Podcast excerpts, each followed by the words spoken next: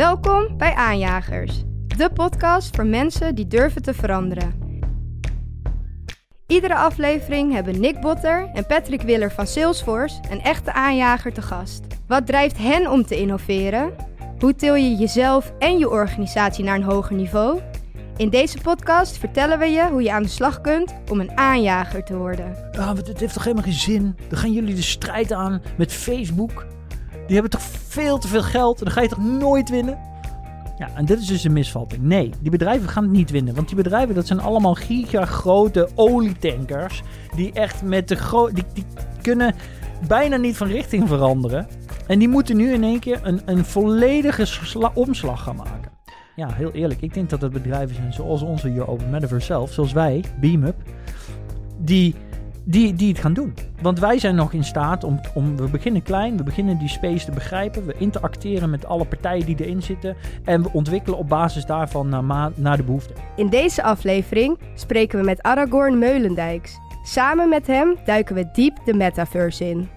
Patrick, nieuwe podcast eh, weer. Bijzondere gast. Altijd bijzondere gasten natuurlijk. Maar dit is eh, denk ik weer net even iets anders dan, eh, dan de andere podcast die we hebben. Ja, normaal gesproken zitten we toch wel veel meer op de cultuur, menselijke kant, veranderingen binnen organisaties. Ja. Maar vandaag gaan we toch wel meer, denk ik, naar, de, naar, naar wat, wat die techniek nou met zich meebrengt. En de veranderingen die nu heel snel op ons afkomen. Ja.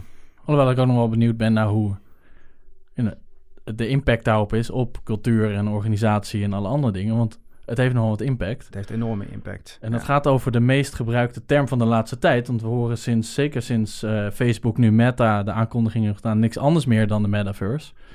En we hebben hier eh, Mr. Metaverse eh te gast. Welkom, Aragorn. Ja, dag jongens. Wat fijn om hier te zijn. Ja, In de fysieke wereld nog. in de helaas. fysieke wereld. Helaas. Nou ja, ik weet niet helaas. Ja, denk je dat? Denk je dat we straks in de metaverse eh, deze podcast op zullen nemen? Ik, zeker. Ik denk dat een hele hoop van dit soort dingen in de toekomst op die manier zullen plaatsvinden. Absoluut, ja. ja. Kijk, op het moment dat je dat eh, de keuze tussen een fysieke of een virtuele realiteit eigenlijk ehm, ja, niet echt meer een, eh, een, een, een drempel is, hè, omdat het beide eh, even makkelijk toegankelijk is. Sterker nog, een virtuele realiteit makkelijker toegankelijk is.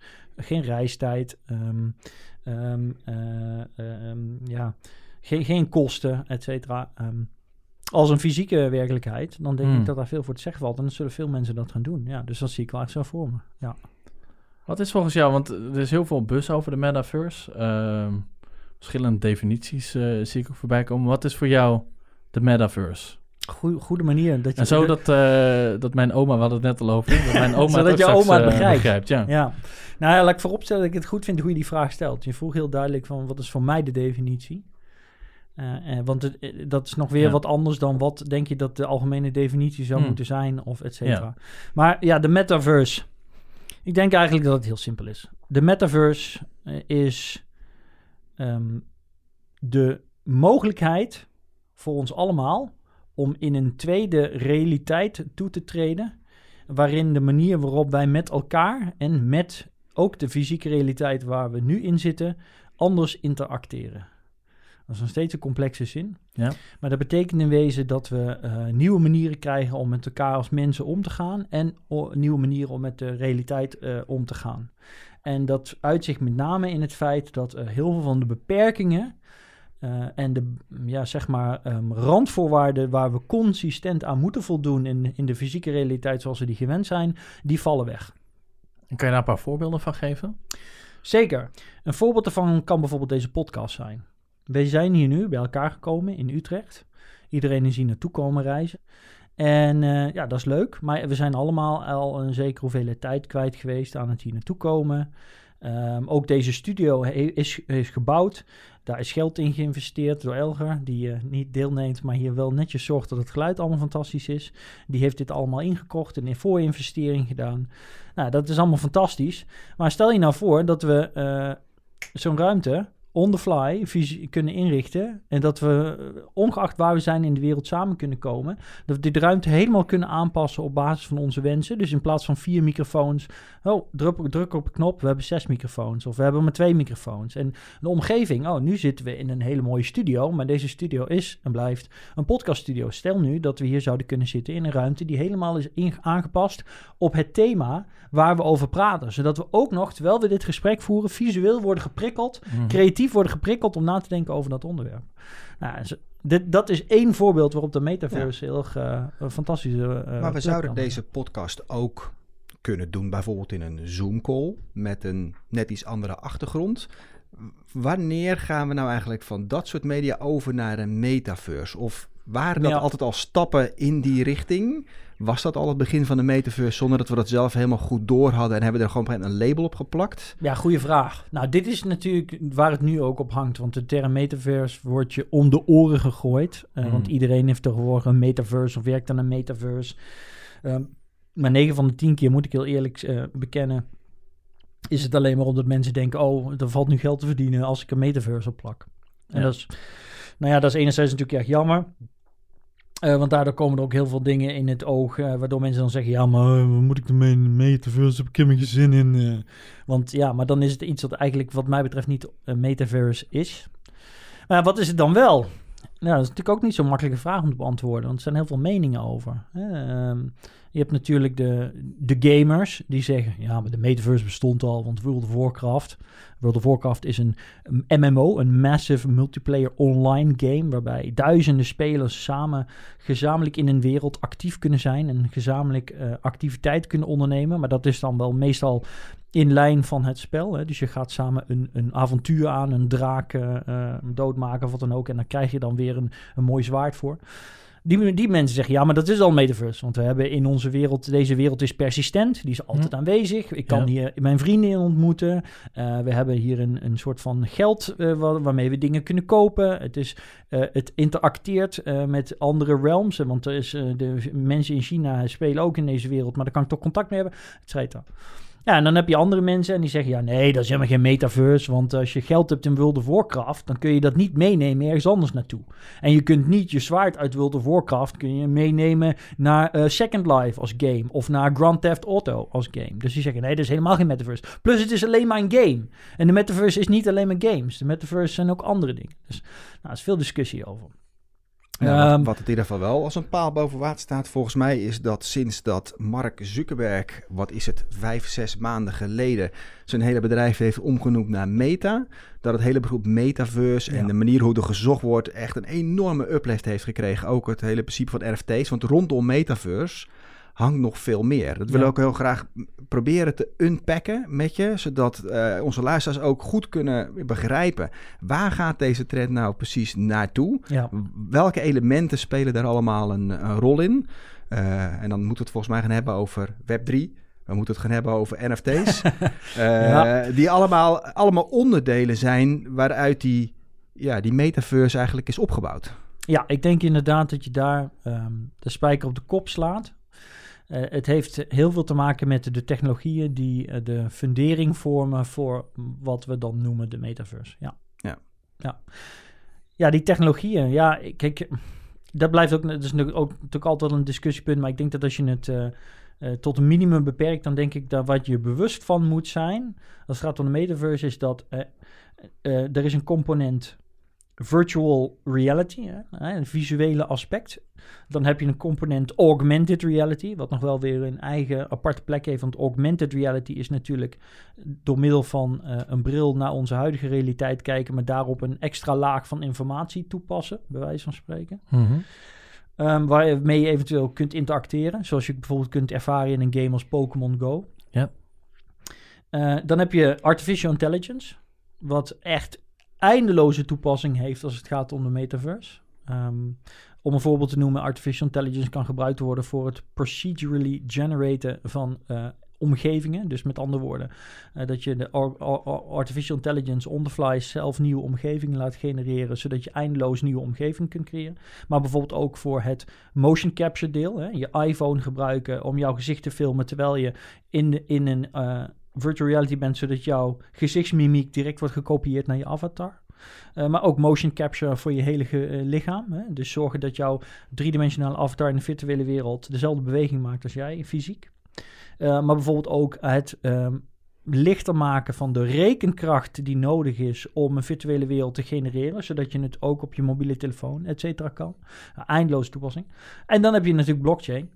Wat natuurlijk zeker al, blockchain was op zich natuurlijk al een dingetje met de bitcoins en de ethereums van deze wereld en alles wat dat met zich meebracht. En nu is daar in één keer de NFT, wat natuurlijk ook een, eh, een buzzword is van het afgelopen jaar, waar mensen denken van, wat moet ik ermee? Al die rare board apes en die JPEG'jes die mensen voor gigantische bedragen schijnbaar lopen te verkopen. Wat een onzin.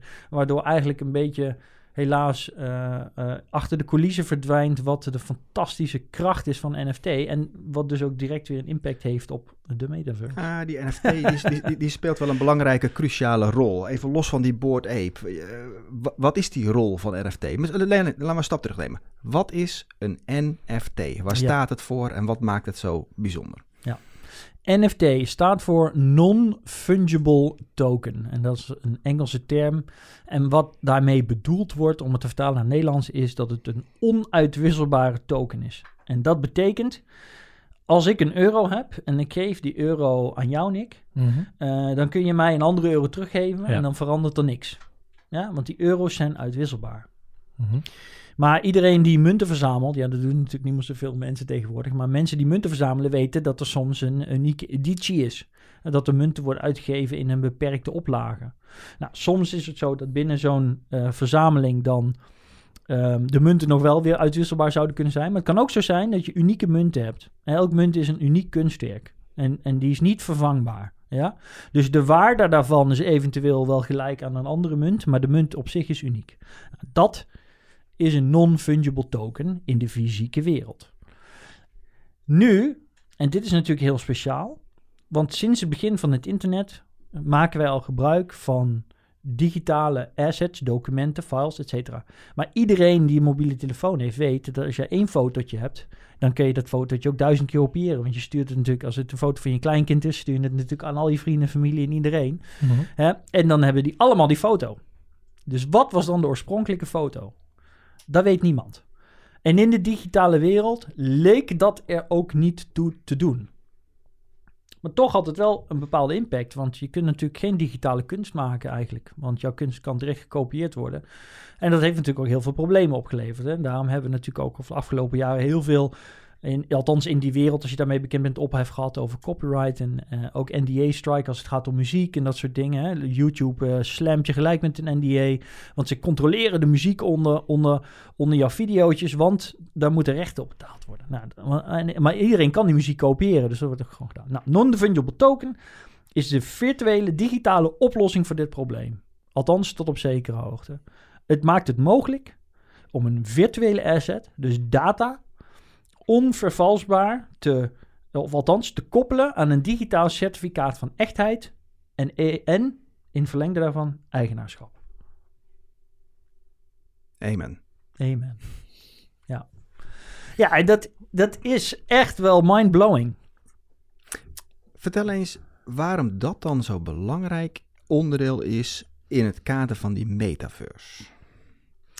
Nou, je zou je kunnen voorstellen dat ehm, als je een virtuele wereld gaat maken, dat in één keer ehm, concepten zoals eigenaarschap en authenticiteit veel belangrijker gaan worden nog dan dat zal zijn. Want eigenlijk was het natuurlijk een probleem wat al bestond op het internet.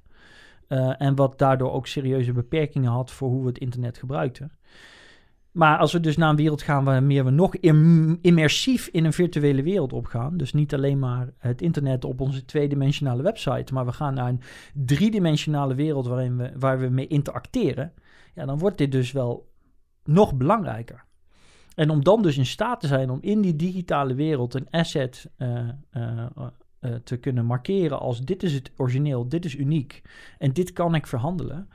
Dat eh, heeft verstrekkende gevolgen, eh, ook voor de toepasbaarheid van die virtuele werelden, voor, voor veel meer hele praktische zaken. Want dan kun je dus in één keer ook bijvoorbeeld virtuele kunstexpositie Hmm. bijvoorbeeld doen, of een, een virtuele fashion show, wat dan ook. Maar het, het hoeft niet per se kunst te zijn. Dus om maar het voorbeeld van deze podcaststudio te blijven. Stel dat je daar een 3D-asset van maakt met verschillende meubilair. Dan kunnen we die dus kopen.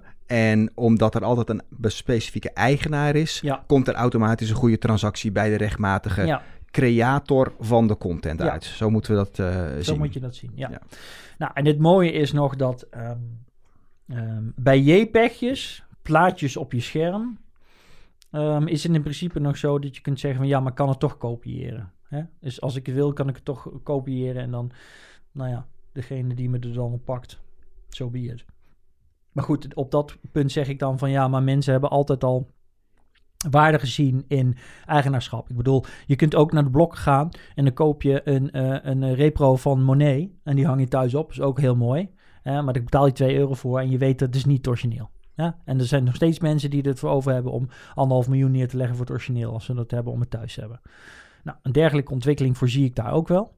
Maar het is met name in die metaverse wordt het echt eh, interessant. Want in de metaverse heb je dadelijk virtual assets. Maar wat die NFT's nog zeg maar impactvoller gaat maken, los van dat het virtual assets zijn die je niet zomaar kunt kopiëren, omdat die NFT daarin eh, zeg maar vastgelegd is, of aangekoppeld is, moet ik eigenlijk zeggen, is dat een, die NFT aan zich zorgt ervoor dat niet zozeer alleen het item zelf, de asset zelf, eh, de waarde krijgt, maar dat de toegevoegde waarde is naar, naar de toekomst toe. Want in een NFT kun je, in tegenstelling tot een certificaat van echtheid en eigenaarschap in de fysieke wereld, kun je continu dingen blijven toevoegen, eigenschappen blijven toevoegen. Om een voorbeeld te geven, Gary Vaynerchuk voor eh, eh, heeft een, collectie uitgegeven van NFT's. Mhm. Kan je even toeleggen? Toevallig weet ik wie het is, maar ik denk Ja? niet dat iedereen Oh, weet wie het is. Vertel even, nou, want dat is een ja, belangrijk kopstuk hè, in de wereld van NFT's. En, eh, Nou ja, Gary Vaynerchuk Mm. is gewoon een hele impactvolle internationale influencer. Hij is de head of Gary eh, of VaynerMedia. Hij is ooit begonnen als wijnverkoper. En hij heeft eigenlijk heel, hij heeft aangetoond hoe impactvol social media kan zijn door zichzelf eigenlijk tot een wereldberoemdheid te, te, ja, te lanceren. Eigenlijk op eigen kracht. Door gewoon elke dag altijd 100 keer per dag op elke sociale media aanwezig te zijn. En naarmate zijn bedrijf groeide, heeft hij gewoon laten zien dat als jij gewoon een te- team van mensen inhuurt die jou de Hmm. hele dag filmen en daar content van maken, dat dat alleen al voldoende kan zijn om, om, om, je, om je business te groeien. En hij is dus heel invloedrijk in die wereld. Of althans wereldwijd. eh, Maar daardoor ook in social media. En nu dus in de crypto en in de metaverse space. Nou, hij heeft een collectie uitgegeven van NFT's. Dit is al eh, eh, overigens meer dan een jaar geleden. Mhm. En die NFT die was in wezen, in, hij heeft die gezegd van ik ga een NFT uitgeven en er zijn er maar 1500 of zo beschikbaar. Ik weet niet precies hoor, het aantal, dit kan- het zal Ja. waarschijnlijk niet kloppen. Maar een vriend van mij heeft er één. Nou, die waren initieel te koop van een paar honderd euro. Niet eens zo heel erg duur. En de enige wat je er initieel bij kreeg, was de belofte dat je dan één keer in het jaar in een call kan met vijf anderen samen met Gary. En dan mag je hem vraag stellen. En daarnaast was er de belofte, op basis van de waarde van de NFT, en dan moet ik dadelijk iets toelichten over een van de eigenschappen die een NFT kan hebben, maar op basis van de waarde van de NFT krijg je elk jaar ook een verrassing. En omdat NFT's bijvoorbeeld ook de eigenschap kunnen hebben dat voor elke keer dat een NFT verkocht wordt, de royalties teruggaan naar de, degene die de NFT heeft gelanceerd, of de artiest die erachter zit, of de, de verkoper of de oprichter, kan je daar dus ook weer, eh, eh, zeg maar, ehm, ja, een mechanisme opsluiten dat een deel van het geld terugkomt naar de oprichter, maar ook Ja. wordt teruggeïnvesteerd in de waarde van de NFT. Dus dat wordt beschikbaar gemaakt om die NFT nieuwe features te geven. Dus volgend jaar krijg ik met mijn Gary Vaynerchuk NFT bijvoorbeeld een Ferrari thuis of zo, ik noem maar wat. Om het nou even heel gek te noemen. je, je noemt heel veel interessante aspecten. Wat nog een beetje onduidelijk is, hoe je dat nu allemaal eh, verbindt met die NFT. Stel, ik maak hier een digitaal prachtig kunstwerk. Ja. En ik vraag jou daar nu een NFT van te maken. Op zo'n manier dat ik mijn royalties krijg. Ja. eh, dat er een kickback percentage is naar een goed doel. En nou, eh, over een jaar eh, mag je uit eten met Nick. Ja. Hoe, doe, hoe doe ik dat dan? En waar leg ik dat dan in vast? Ja, nou ja, dat, dat is een proces dat heet minten. Hè, Mhm. wat we ook wel kennen van munten. Hè, de munt slaan, eh, traditioneel. Dus je slaat een munt. Eh, in het Engels heet dat minten. En je mint dus die NFT. En op het moment dat je die NFT mint, en dat doe je op een blockchain. Hè, en eh, goed, dat kan eh, op. Dat kan dus alleen op blockchain. dat kan alleen op blockchain. Nou, er zijn bepaalde blockchains die daar geschikt voor zijn. Nou, Bitcoin is er bijvoorbeeld eentje die dat niet is, heel Mhm. specifiek. Ook al is dat de original crypto. Maar bijvoorbeeld, het kan bijvoorbeeld wel op Solana. En het kan denk ik ook op Ethereum. Ja, dat zeg ik nu, maar dat weet ik niet zeker. Maar ik vermoed van, ik kan bijna, ja, Mhm. het kan zeker Ja. op Ethereum. Want ik bedenk me nu zo drie projecten die dat doen. Ehm, en wat er dan gebeurt is op het moment dat jij dat gaat minten, dan moet jij dus eigenlijk alle ehm, eigenschappen invoeren van het kunstwerk. En dat wordt dan allemaal zeg maar in die blockchain opgeslagen voor eeuwig. En is dan altijd terugvindbaar. En een onderdeel daarvan is een label wat zegt op dit moment behoort dit eigen dit asset aan die wallet toe. Dus er staat niet eh, van, van Nick of van Patrick, maar er staat dit is de wallet. Dus als jij eigenaar bent van de wallet, dan kun je altijd aantonen dat het jouw NFT is. En dat is gewoon onvervalsbaar in de blockchain vastgelegd. En die blockchain zelf die is unhackable. Dat is heel belangrijk dat mensen dat begrijpen. De blockchain zelf is unhackable. En ja, nu voor mensen die dit misschien volgen, dan hoor je recentelijk, ja, die NFT gejat en hij is zijn geld kwijt en dit is vervalst. Ja, dit is niet de blockchain. Dat is het menselijke proces. Dat zijn, eh, ja, sorry Nick, dat zijn die mensen Nee, die klopt, dus ja. hun, Ik heb het toevallig net dit weekend gehad, klopt. ja, ja, dat is, en dat heeft op de, en, maar dat is dus ook het obstakel, of althans één van de obstakels voor de metaverse en NFT's op dit moment nog, Ja. is dat dat proces, daarin zitten nog te veel, is nog te technisch, is nog te complex om het echt makkelijk te maken. Waar we naartoe moeten, en banken zoals Revolut zijn daar best wel al mee bezig. Hè. De Rabobank hoef je niet in je Rauw-app, hoef je niet met crypto's bezig te zijn nog, helaas. Eh, maar Revolut bijvoorbeeld heeft in de app kun je al in crypto's handelen en kun je al je Zeker. NFT's in je app verzamelen. En pas als we, pas op het moment dat we met onze banksysteem, et cetera, en dat er diensten zijn die dit aanbieden op een Hmm. manier zoals we nu Spotify gebruiken, of eh, de manier waarop we nu WhatsApp op onze telefoon gebruiken en een tikkie versturen. En daar gaan we heel snel naartoe. Verwacht dit gewoon echt in de komende twee, drie jaar dat dat uitgerold gaat worden en dat het een groot publiek gaat gebruiken. Ja. Wa- waarom, waarom is dat zo'n twee, drie jaar? Vind ik nog best lang eigenlijk. Eh, het is er al een tijdje. Wij hebben natuurlijk ook eh ermee zitten experimenteren om ons een beetje voor te bereiden. En eh, nou, je hebt allemaal verschillende wallets nodig. Je hebt niet al je NFT's allemaal in één wallet zitten. Wat is het nou zo moeilijk om daar een, een één mooie overview van te maken? Ja, dat is een goede vraag. Ehm, ik denk dat het vooral te maken heeft met het feit dat de technologie die daaraan onderhevig is, blockchain zelf, eigenlijk ook nog in de kinderschoenen staat. Hè, want het is ooit allemaal begonnen met die bitcoin. Nou ja, de bitcoin is wat je noemt een decentralized, of, eh, ja, ja, decentralized ledger technology. Mhm. En eigenlijk moet je stellen dat alles wat ernaast gekomen, of ja, niet alles, maar een hoop van de projecten, met name de meer succesvolle zoals Ethereum en eh, nou ja, noem een Solana en dat zijn eh, niet meer deal. Dat is eigenlijk geen decentralized ledger technology, maar dat is decentralized machine state technology. Dus dat betekent dat die dat gebruik, maakt gebruik van smart contracts. En een smart contract lijkt een. Ja, wat is dat dan, een smart contract? Ja, dat is eigenlijk een heel klein virtuele machine. Ja, ik probeer het nu al echt heel Ja, ja. ja, toegankelijk te maken. Is het niet voor als je niet erin zit, maar het, het is een soort klein algoritmetje waar als je daar een input in gooit, dan komt er een output uit. En daar kun je dingen aan toevoegen. En omdat er zoveel blockchains zijn, en de ene blockchain is de andere niet. Hè, bijvoorbeeld, we hebben een, Nederlandse blockchain, Dusk, die zich zich speciaal richt op de financiële markt. Dat is fantastisch. Maar die is heel gefocust op security en veiligheid, et cetera. En dan krijgt die andere eigenschappen en aspecten. Kunnen we een vertaalslag maken naar bedrijven? Ik bedoel, Nike heeft natuurlijk artifacts gekocht. Die, gaan, eh, die hangen NFT's aan, of die verkopen virtuele schoenen. Ja. Hangen NFT's aan bestaande schoenen. Ja. Eh, waarbij, je zegt, waarbij je kan zeggen, nou, er ontstaat dus ook een heel nieuw businessmodel daardoor. Ja. Want als je die schoenen doorverkoopt, je hebt net verteld, je kan royalties hangen aan een smart contract. Ja, Dus dat betekent dat Nike voor elke keer dat die sneaker nog een keer wordt Ja. doorverkocht, zij, Ja. ik wil 9% of 10% eh, kunnen krijgen. Ja. Misschien ook wel de oplossing voor de H&M's van deze wereld. Want opeens, nu verkopen ze eh, voornamelijk kleding. En de doelstelling is om jouw nieuwe kleding aan te smeren. Dus ja, nou ja, staat fast ja, fashion. Dus Het- dit draait misschien het hele businessmodel om als je NFT's aanlaat. Wat, wat, en wat hier liggen jij? dus kansen. Dat Ja. wil ik ook nog wel even benadrukken. Want mensen zeggen, ja, maar blockchain en de metaverse, dat gaat allemaal meer vervuiling opleveren. En hebben we meer energie nodig. En dat is allemaal slecht voor de wereld. Nee. Nee. Onzin. Dit gaat de wereld verbeteren. Je zegt het net Maar zelf wacht al. even, maar het is, wel, In maar één het is keer- wel natuurlijk zo dat Ethereum nu dezelfde energieconsumptie heeft als Nederland. Ja, maar eh, Ethereum heeft dezelfde energieconsumptie als Nederland. Nederland is eh, een van de kleinste landjes in Europa. Ik bedoel, we hebben het over. Nee, maar Nee, maar ik bedoel, het is toch, Ja. het is toch terechte te- eh, kritiek op de NFT's, de blockchain, dat daar, dat daar slagen in moeten worden gemaakt. ja, dat, dat weet ik niet. Is dat terecht? Ik bedoel, als we echt als, we echt als mensheid energie willen besparen... laten we dan op halme vlees eten. Doen we toch ook niet? Weet je hoeveel energie, hoeveel energie er wordt gepompt... in de productie van graan en vervolgens in de veeteelt? Dat, dat is niet één keer Nederland. Nee, dat is honderdduizend keer Nederland. Dus we, het is echt hypocriet. Dat wil ik vooropstellen. Het is mega hypocriet om het op die manier te benaderen. En dan zijn er ook nog mensen die zeggen van... ja, maar Ethereum en zo, die zijn allemaal op groene energie. En dan zijn er andere mensen die zeggen... ja, maar die groene energie kun je ook ergens anders voor gebruiken. Nee, dit, dit is echt onzinnig. Ik snap wel dat het nu energie kost. Maar dat is een voorinvestering.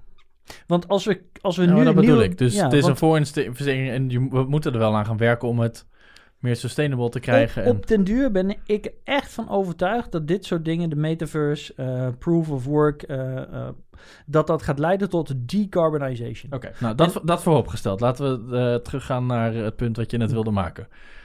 Nou je had het ja, over NFT, nou ja, H&M, nee, ja, meer nou ja. Kijk, al, als wij dus kunnen naar een model waarbij al, elke aankoop die wij doen een NFT is. En het dus mogelijk is om voor de verkoper om daar ten in het einde der tijden bij elke verkoop royalties aan te vangen. ja.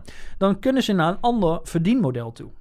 Dan hoeven ze dus niet elk seizoen opnieuw een jurkje te verkopen. Precies. Maar ze kunnen eh, een product verkopen wat veel langer zijn Meegaat. zijn, meegaat, ja, zijn waarde behoudt. Ja. Wat misschien zelfs nog wel teruggestuurd kan worden voor een upgrade. Ik noem maar wat. Hè. We, leven, we zijn toch een beetje naar een sci-fi wereld toe aan het gaan. Mhm. En daardoor opnieuw gebruikt kan worden. En dat betekent dus per definitie dat er dan veel minder grondstoffen nodig zijn. En je nog steeds een, dat businessmodel kunt handhaven. Los daarvan voorzie ik, en dan komen we weer op de metaverse, want nu hebben we het nog steeds over de, de fysieke wereld. Op het moment dat we meer in de metaverse gaan leven, en dat zien we natuurlijk nu al bij kinderen die Roblox en Minecraft spelen, die hè, kinderen tussen de 9 en de 12, meer dan 60% zitten in Minecraft of Roblox. Die vragen voor hun verjaardag. Aan, heb je kinderen, Patrick? Ja, zeker weten. En die spelen precies eh, de spelletjes Ja. die jij zegt. Dus, en eh, wat ja. vroegen ze voor Sinterklaas of voor de verjaardag? Ehm, nou, ze krijgen bijvoorbeeld een, eh, een, zo'n kaart van 15 euro. Eh, dan krijgen ze een tegoed. Ja, En dat is wel grappig dat je dat als voorbeeld haalt. Want ik, zo'n spelletje kost meestal 60 euro. Ik Mhm. denk in, je koopt een spel en je speelt een spel. ja dat soort En zij zijn heel blij met 15 euro. Ik heb gezegd, maar 15 euro, dan moet je dus vier van die kaarten hebben voordat je een spel kan kopen. En Nee, die 15 euro die wordt besteed aan een outfit van Spider-Man in Fortnite. Exact. En eh dat is 15 euro, een koopje voor Ja. ze. En dat is voor mij af en toe nog even dat ik denk van, nou, ik vind dat best veel geld. Want ja, vier Ja. van die outfits eh, die jij zo weer uittrekt daar eh, digitaal, daar heb je weer heel snel een nieuw, een nieuw spel voor, waar je dan weer uren plezier van hebt. Maar dat, is, dat is ook een mentale shift. Ik zie wel heel duidelijk in hoe gemakkelijk dat geabsorbeerd wordt door die van mijn kinderen. Ja. Ja, maar dat, dat, en dat is dus het punt. Er is dus een hele generatie nu al aan kinderen die het al heel normaal vinden dat je een virtuele representatie van jezelf hebt, die net zo belangrijk is in uiterlijke verschijning voor sociale interactie als jouw fysieke zelf. Mhm. Waarmee je ook dagelijks bezig bent om vriendschappen te maken, nieuwe relaties te ontwikkelen en jezelf te presenteren. Waar je dus ook bereid bent om daarin te investeren. Ja, en dit is de toekomst waar we naartoe gaan. Maar het punt is alleen, als je dat nu in Roblox of Minecraft of Fortnite doet, dan steek je er 15 euro in. En dan koop je een outfit. En van wie is die outfit dan? Ja, die, die, eh, die hangt aan jouw profiel, maar Ja. hij is niet uitwisselbaar. Nee. Je hebt er verder niet zoveel. Het is Nee. geen, de- eh, geen twin of zo. Het is niet dat je die schoen ook weer een echte... Maar volgens mij is dat wel de essentie van de metaverse. Dat als ik Nike schoenen ga kopen in Fortnite, dat ik bijvoorbeeld ook diezelfde Nike schoenen opgestuurd krijg of iets dergelijks gekoppeld aan bijvoorbeeld een loyalty programma wat weer aan een NFT hangt. Ja, of Ja, een ander nou, Snappen platform. mensen dat nog? Of een ander platform. Of een ander platform. Of- ja, ja, en, en, nu, ja, nu komen we naar de, de- bij de essentie zoals ik de metaverse eh voor me zie in de nabije toekomst. Wat ik eigenlijk zeg van dan is het pas echt metaverse. Hè? Dus dingen zoals Decentraland en, en Sandbox en eh Sonium Galaxy, et cetera. Zijn eigenlijk nog geen metaverses. En, en World of Warcraft en Fortnite zijn geen metaverses. En Roblox en Minecraft zijn geen metaverses. Nou, maar het zijn wel voorlopers. Het zijn voorlopers, het zijn ontwikkelingen, het zijn stappen in de evolutie naar de metaverse toe. Daar, Ja. daar ben ik het mee eens. Maar het zijn nog geen metaverses.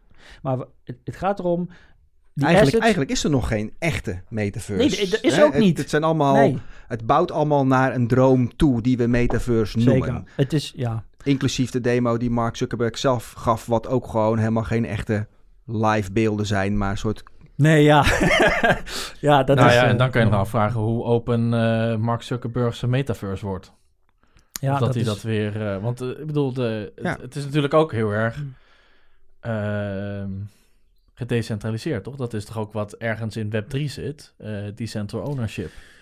Ja, nou ja, dus laat- hoe, zie je, hoe zie jij dat? Eh, dus als van decentraal naar weer geowned wordt door één bedrijf, Facebook slash Meta, hoe, hoe zie je dat? Is dat Ja, iets wat nou ja. vol te houden is of... eh, Nee, eh, dit is natuurlijk een toekomst die we absoluut niet willen. nee. Mm. Nee, ik, ik denk, kijk, iemand zei, ehm, iemand zei vorige week iets wat ik fantastische uitspraak vond. En het was eh Alistair Hume. Alistair Hume is een, YouTuber ook in de, in de metaverse crypto space influencer. Heeft een fantastisch filmpje gemaakt overigens voor diegenen die dat interessant vinden op YouTube. Bizar genoeg maar 6000 keer bekeken, maar het is eh, de long-term future of the metaverse. Nou, voor iedereen die echt wil begrijpen waar we naartoe gaan, adviseer ik van harte dat filmpje te kijken.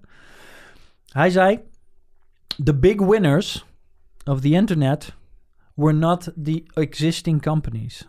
Dus om dat even in context te zien. Ja. De grote, de, echt de grote partijen in de wereld die ook al op dat moment bestonden. Toen het internet kwam. Dat zijn niet de grote winnaars daarvan. Hè. De grote winnaars. Zelfs, zelfs America Online, een van de eerste movers in die space. eh, Ja. bestaat nu bij wijze van spreken niet meer. Het waren uiteindelijk de, de Googles en de Facebooken van deze wereld. die het echt groot hebben gemaakt. En ik denk dat het, de grote misvatting nu is. Heel veel mensen zeggen ja, maar eh, letterlijk deze week. Eh, een van onze Discord moderators. die eh, had een discussie met een vriend. en dan stuurde hij naar mij toe. En die vriend zei: Ja, ja dit heeft toch helemaal geen zin. Dan gaan jullie de strijd aan met Facebook. Die hebben toch veel te veel geld. Dan ga je toch nooit winnen. Ja, en dit is dus een misvatting. Nee, die bedrijven gaan het niet winnen. Want die bedrijven, dat zijn allemaal gigagrote olietankers. Die echt met de gro die, die kunnen bijna niet van richting veranderen. En die moeten nu in één keer een, een volledige sla- omslag gaan maken. Sommigen zullen het wellicht redden. Ik zeg ook niet dat, ik zeg niet dat het onmogelijk is.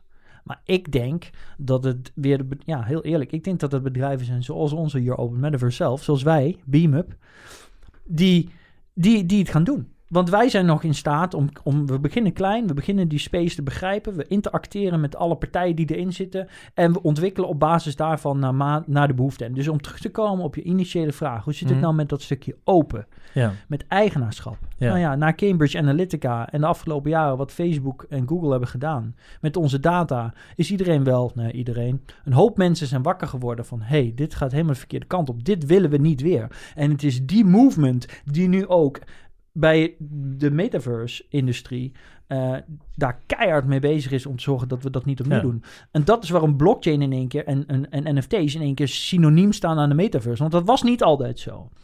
Maar het is die decentralized nature, die mogelijkheid om, en dan ga ik er weer een term in gooien die oma nog niet begrijpt, maar ook naar de toekomst toe om DAO's op te richten. Dus de Decentralized Autonomous Organization. Dus het maken van een bedrijf wat in een blockchain is opgeslagen en wat eh, bestierd wordt eigenlijk op basis van degene die eh, governance tokens hebben. Dus die een, zeg maar een, token, een bepaalde hoeveelheid token, aandelen zou ik het bijna noemen, in die autonomous organization hebben. Ja, die grassroots, zeg maar, ehm, community, die is die, dit heel erg aan het pushen. En Ja. omdat er natuurlijk wel best wel veel geld is in die crypto, in die crypto space, en omdat er nu heel veel in geïnvesteerd wordt, zie je dat daar dus heel veel geld in stroomt. Maar dat stroomt allemaal naar projecten die eigenlijk precies rechtlijnig tegenover ehm, de Microsofts en de Googles Ja, en de maar daarom Facebook is het en de Meta's. ironisch voor mij dat zo'n bedrijf als Facebook dat probeert te ownen. Terwijl ze eh, voor mij misschien tegenovergestelde zijn van wat de hele movement Ja. Eh, voorstelt. Ja, ik can blame him for trying. Maar Nee, ik denk nee, ook dat het niet gaat werken. I- i- Zou je zelfs zover kunnen gaan dat je zou kunnen zeggen dat Web 3... dat daar eigenlijk helemaal geen ruimte meer is voor de techreuzen op Web 2. Omdat met name in Web 3 dat ownership aspect heel gefragmenteerd... met allerlei kleine initiatieven, creatievere bedrijven opgebouwd wordt? Of gaat daar ook weer een hele nieuwe reus in opstaan? Dat is, dat is een moeilijke vraag. Kijk, als je het hebt over het opstaan van een reus, dan impliceer je daarmee eigenlijk dat we eenzelfde soort cyclus ingaan zoals we die hebben gezien met de dotcom-bubbel en de opkomst van het internet. Maar dat impliceert ook dat we eigenlijk een, een, een traditioneel systeem in stand houden en opnieuw gaan, dat, dat, dat opnieuw een cycle ingaat. Maar het is nou juist in die gedecentraliseerde wereld het idee of de hoop, in ieder geval het, zeg maar, het utopia wat iedereen daarin handhaaft. Dus dat er niet één reuze op staat, maar dat het eindelijk allemaal een beetje eigendom van Hmm. iedereen wordt. Ja. Maar of dat natuurlijk realistisch mogelijk is, ja, ik vind dat, dat weet ik ook niet. Maar wat zou, want dat was natuurlijk in het begin van het internet ook, hè? Dat was ook vrij eh, informatiedeling en dus dezelfde hoop eigenlijk. Dat is Ja. niet eh, zo gaan. Wat, wat kunnen we inregelen of wat wordt er ingeregeld in Web 3 om het te voorkomen? ja. Dat, dat, dat je toch weer dat misbruik krijgt en er weer één reus op staat. Ja. Want je Dat- ziet dat, dat- nu natuurlijk al een beetje. Van de first movers die nu in blockchain zijn gegaan, die hebben, zijn enorm rijk geworden daarop. Eh, de first movers Precies. nu op NFT's hebben ook weer over geld. Dus je, ja, Dit- de, dit- de dit nieuwe is weer- elite is aan het ontstaan. ja, er is weer een eh, gold rush gaande. Precies. Ja, ja, eh, in die zin, ja. Als je dat op die manier zo vergelijkt, dan durf ik niet direct te zeggen, dat, zeggen dat we dat ook volledig ehm, kunnen voorkomen. Er zullen natuurlijk altijd first movers zijn. En in zekere mate is het natuurlijk ook zo dat mensen die al ja, nu in staat zijn om er wel op een of andere manier in te investeren, hebben natuurlijk een voordeel. Ik bedoel, als jij nu vroeg bent ingestapt op, ehm, op een token of een blockchain project en je hebt een hoop van die tokens, en dat heb je omdat je sowieso veel geld had, ja, dan heb je natuurlijk een onevenredig groot aandeel ten aanzien van de mensen die erin zijn gestapt die wat minder hadden. Dat is een feit.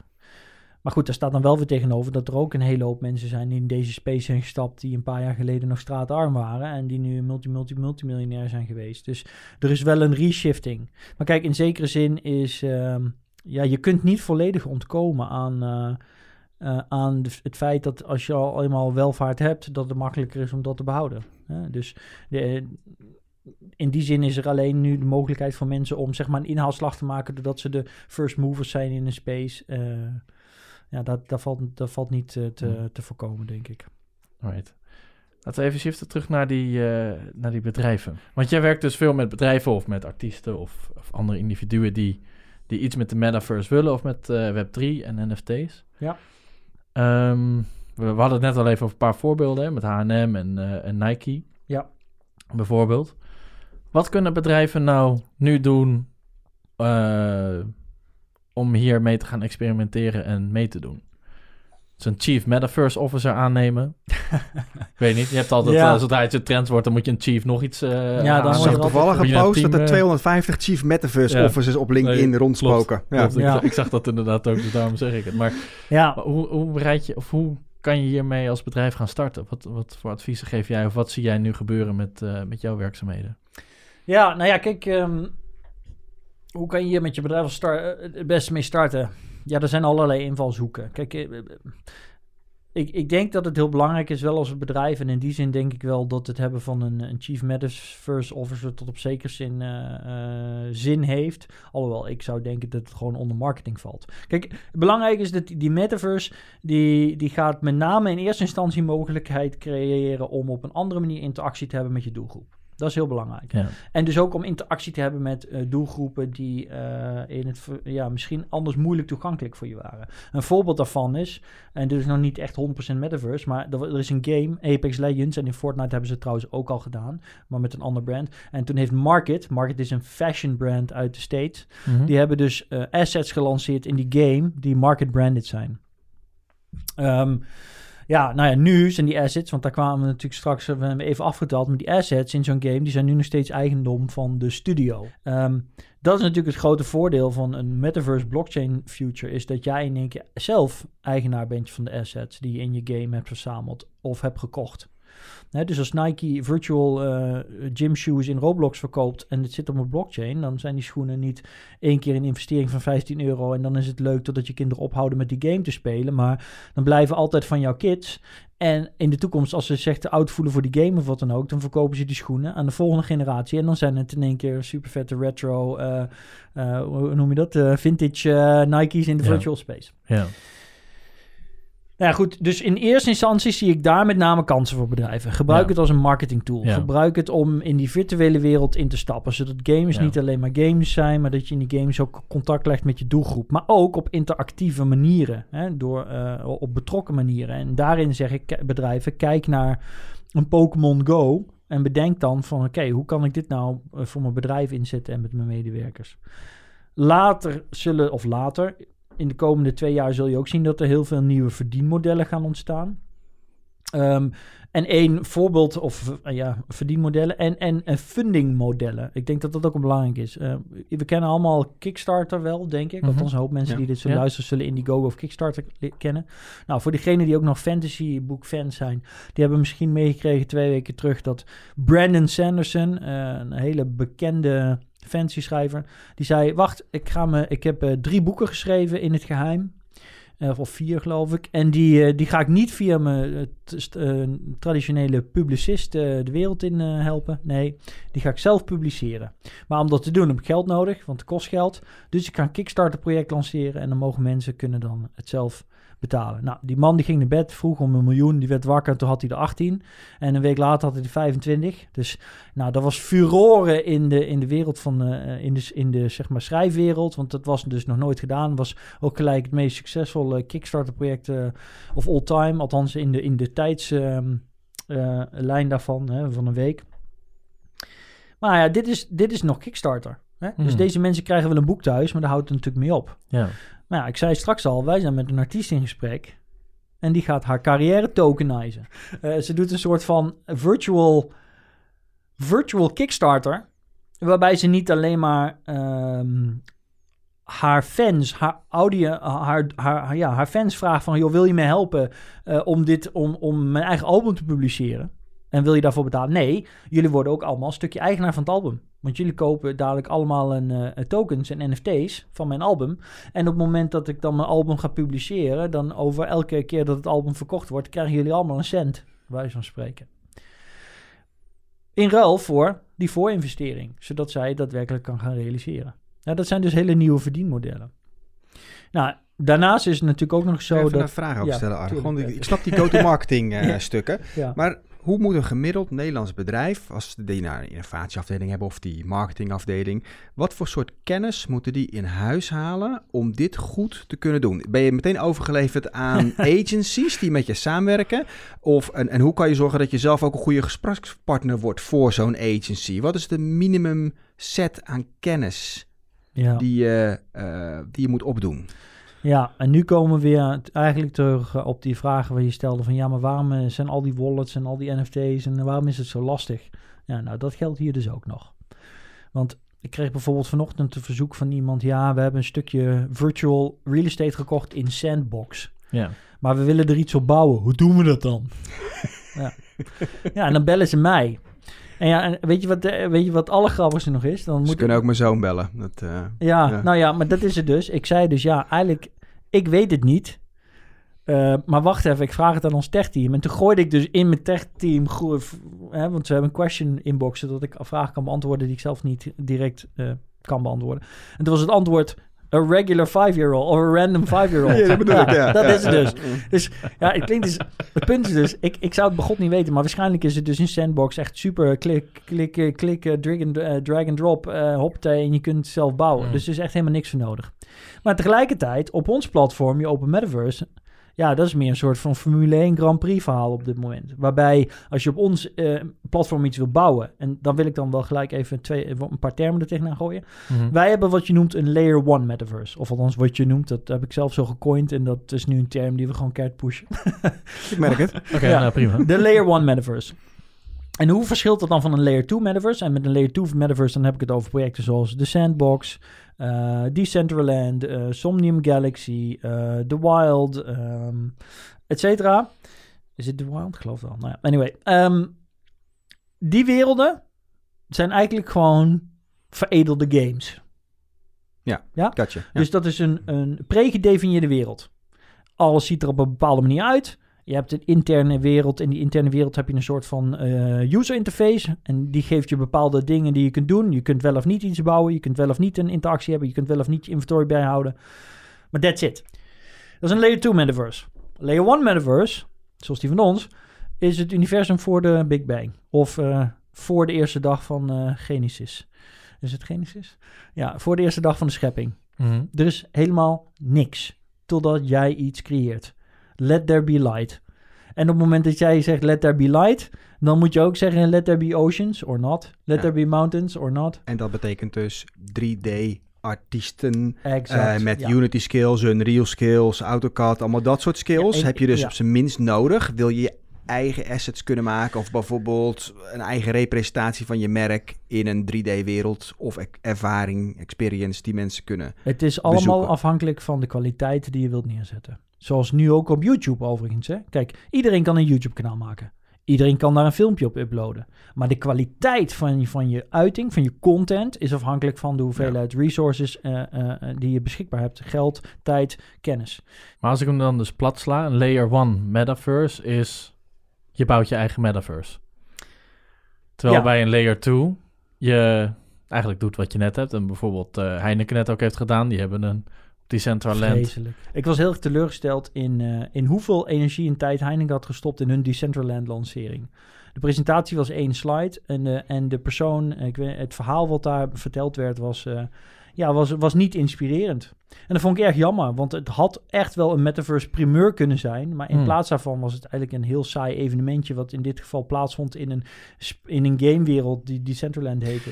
Maar, dit dat- is wel dat- natuurlijk waar heel veel bedrijven Ja. mee zitten. En dan krijg je dit en je huurt een agency in of ze hebben dat zelf bedacht. Ja. Eh, dat weet ik in dit geval niet bij Heineken. Maar wat hadden ze dan volgens jou wel moeten doen? Nou, het begint, en dat, dit is iets waar wij heel erg voor staan bij je Open Metaverse. Het en, en dat is ook, wij- wij hebben een hele, zeg maar, hele ja, strenge selectieprocedure nu voor de klanten waar we mee werken. En dat begint bij, we willen een merk hebben die echt heel goed weten wat hun identiteit is. En die bereid zijn om daar risico's mee te nemen. Bereid Mhm. zijn om met hun brand te spelen. Je bent de first mover of je bent het niet. Je kunt geen ontdekkingsreiziger zijn zonder je bewust te zijn van het feit dat er gevaren zijn. Dat het kan zijn dat je met je boot naar Amerika gaat varen en dat, dat je allemaal schurft, eh, bu- bu- bu- hoe heet het?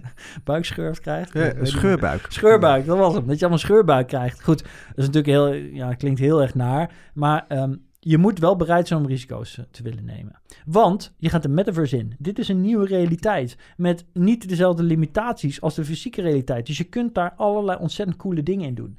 En dat brengt me dan ook wel op het punt dat, ja, die, ja, Decentraland en Sandbox kunnen, zich, kunnen zijn gepositioneerd als Layer 2 metaverse. Maar ik vind ook daar dat het eigenlijk ongeïnspireerd is wat ze hebben gedaan. Want ze hebben eigenlijk gewoon fysieke wereldconcepten direct gekopieerd naar een virtuele wereld. En dat is jammer, want er kan zoveel meer. Ja. Dat is de grootste uitdaging, denk ik, voor al die bedrijven. Het loslaten van je huidige realiteit en denken in meerdere realiteiten, waar ja, geen enkele spelregel die je nu kent in de fysieke wereld nog van toepassing is. Nee, dat en, klopt. en, en degenen die daar heel creatief in zijn en toch nog een verbinding maken naar de realistische Ja, wereld, dat zijn, dat zijn ja. winnaars. Ja. Ja. Daarom is het voor retail- en productorganisaties makkelijker op dit moment om dat te doen. Want het allerbelangrijkste waar iedereen sowieso nu uit moet, is dat ze alleen maar nadenken over die transactie.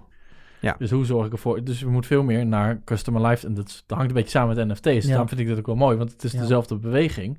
Je moet veel meer na gaan denken over de customer lifetime value. Dus wat is die klant voor jou de rest van zijn leven waard? Ja. En denk niet alleen maar aan de transactie, want heel veel traditionele bedrijven zijn ook in business cases. Nou, die business cases zijn ook gestoeld op de transactie en niet de customer lifetime value. Dus dan krijg je heel veel zaken niet voor elkaar. Ja. Maar nu met alle andere trends, we gaan nu een beetje de marketing in, maar je zei het is, het is marketing, maar Ja. hè, met de third party cookie die weggaat, dus je moet veel meer naar first party data. Loyalty wordt belangrijker. En dit is een, volgens mij een prachtig mechanisme voor heel veel bedrijven om na te gaan denken van oké, hoe kunnen we tijdens die transactie ook toekomstige dingen vastleggen en naar de toekomst toe ook Ja. waarde gaan creëren. Ja. En ik hoop dat dat ook een beetje landt bij heel veel bedrijven nu. Ja. Eh, dat, dat dat nu gewoon met NFT's ook mogelijk wordt gemaakt en dat, je, dat, dat we die trend door kunnen zetten en door kunnen pakken. Ja, ja, ja absoluut. Ja, maar ja de, ja, de vraag blijft natuurlijk nog wel. Hè, want dit zo op zich kun je, zou je tot op zekere hoogte allemaal gewoon al met NFT's af kunnen. En dan Ja. is het eh, geen metaverse nodig. Nee, Dus ik, ik denk dat eh, als mensen dit luisteren zich dat misschien nog wel afvragen.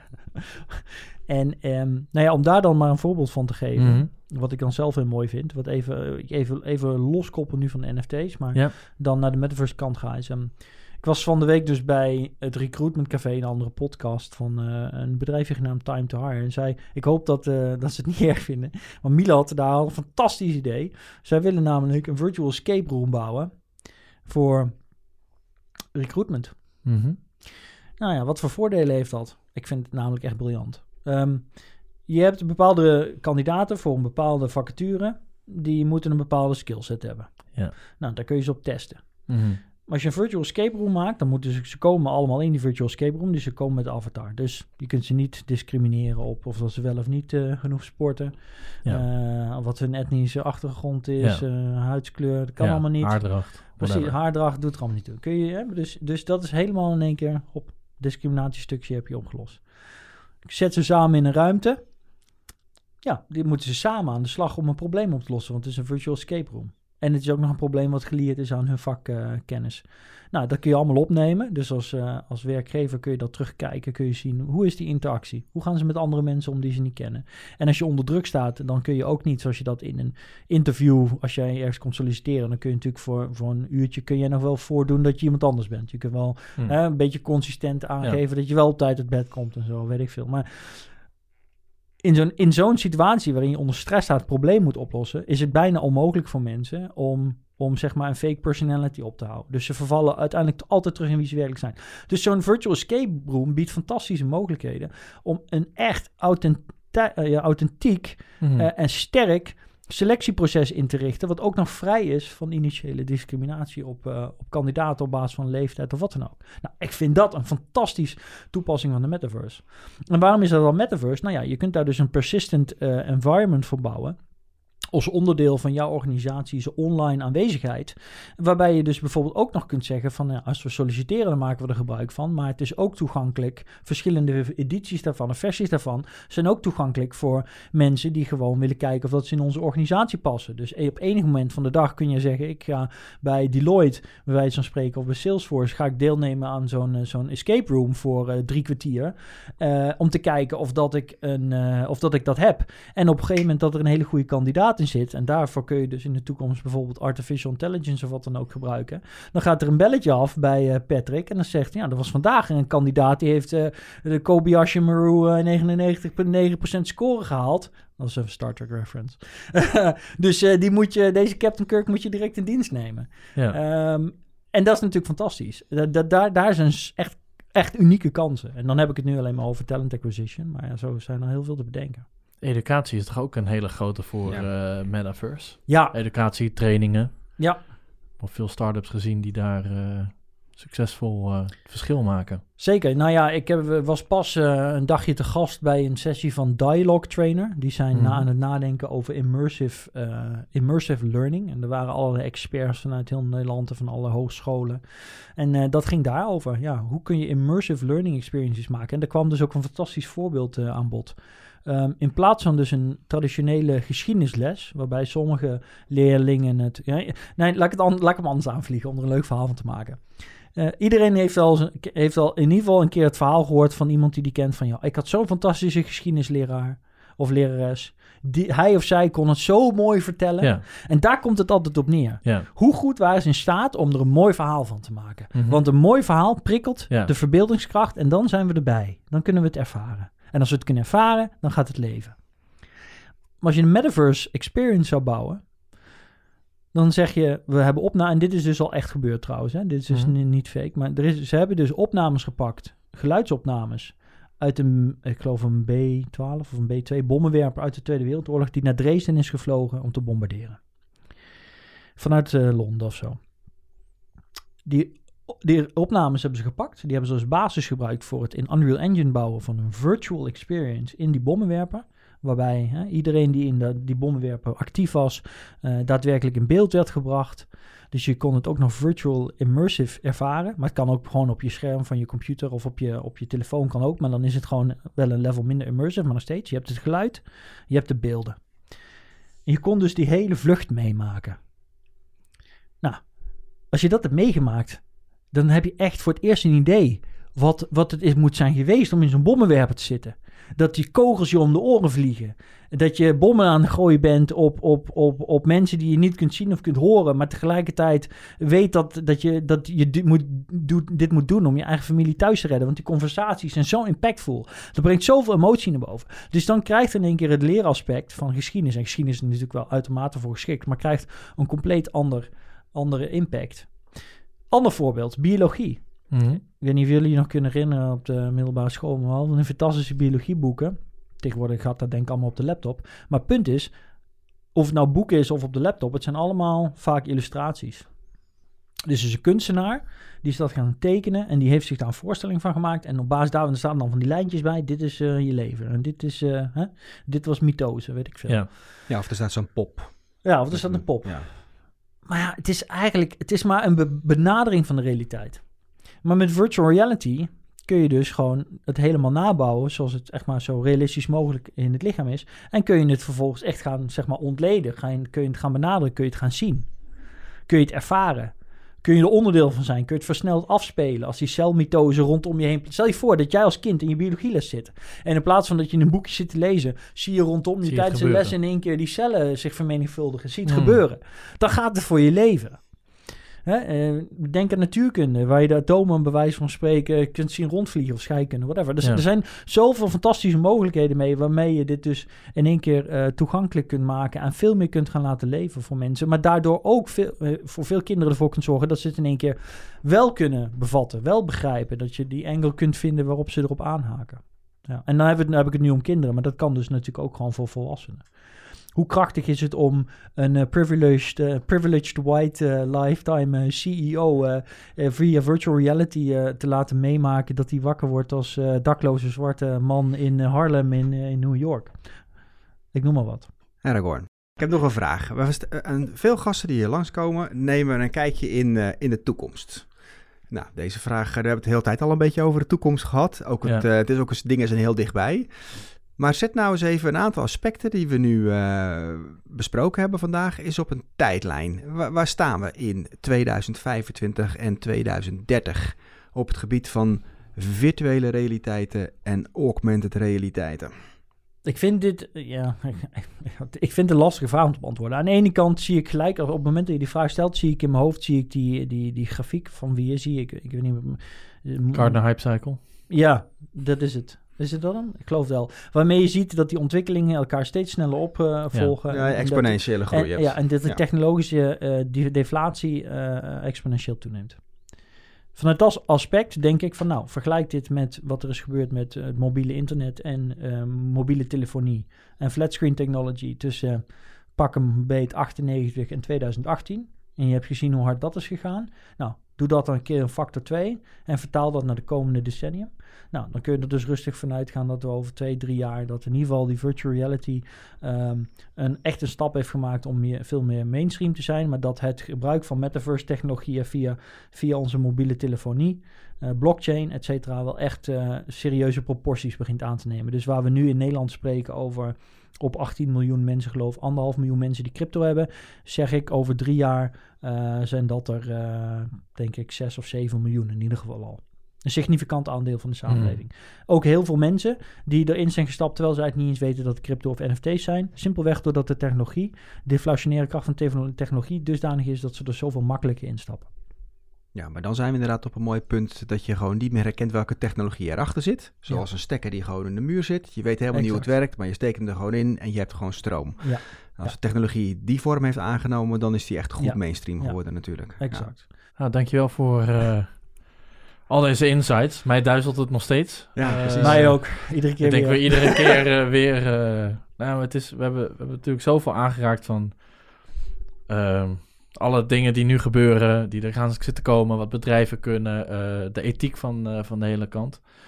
Eh, ja, ik denk dat joh, wat er in de toekomst komt, eh, dat het nog, ja, dat, moeten, dat moeten we zien. Maar het is in ieder geval wel duidelijk dat, eh, dat er grote veranderingen aan zitten komen. En ik denk dat we met z'n allen ook erbij moeten blijven om ook daadwerkelijk die open samenleving te creëren en niet weer in dezelfde pitfalls eh, vallen zoals de afgelopen twee eh, Ja. grote waves. Nee, mooi Dus, gezegd. En het is toch aan eh, de aanjagers om die toekomst met Ja, deze precies. bouwstenen te gaan, Ja. gaan maken.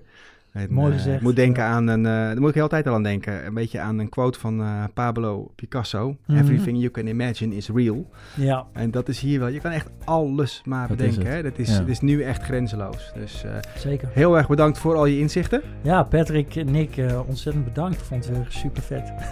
Cool. Dankjewel man. Thanks. In de volgende aflevering is Raoul Vertrouwd onze gast. Als oprichter van Passie voor je toekomst helpt hij jongeren dichter bij hun dromen te komen. Ga voor meer verhalen van aanjagers naar salesforce.com/aanjagers.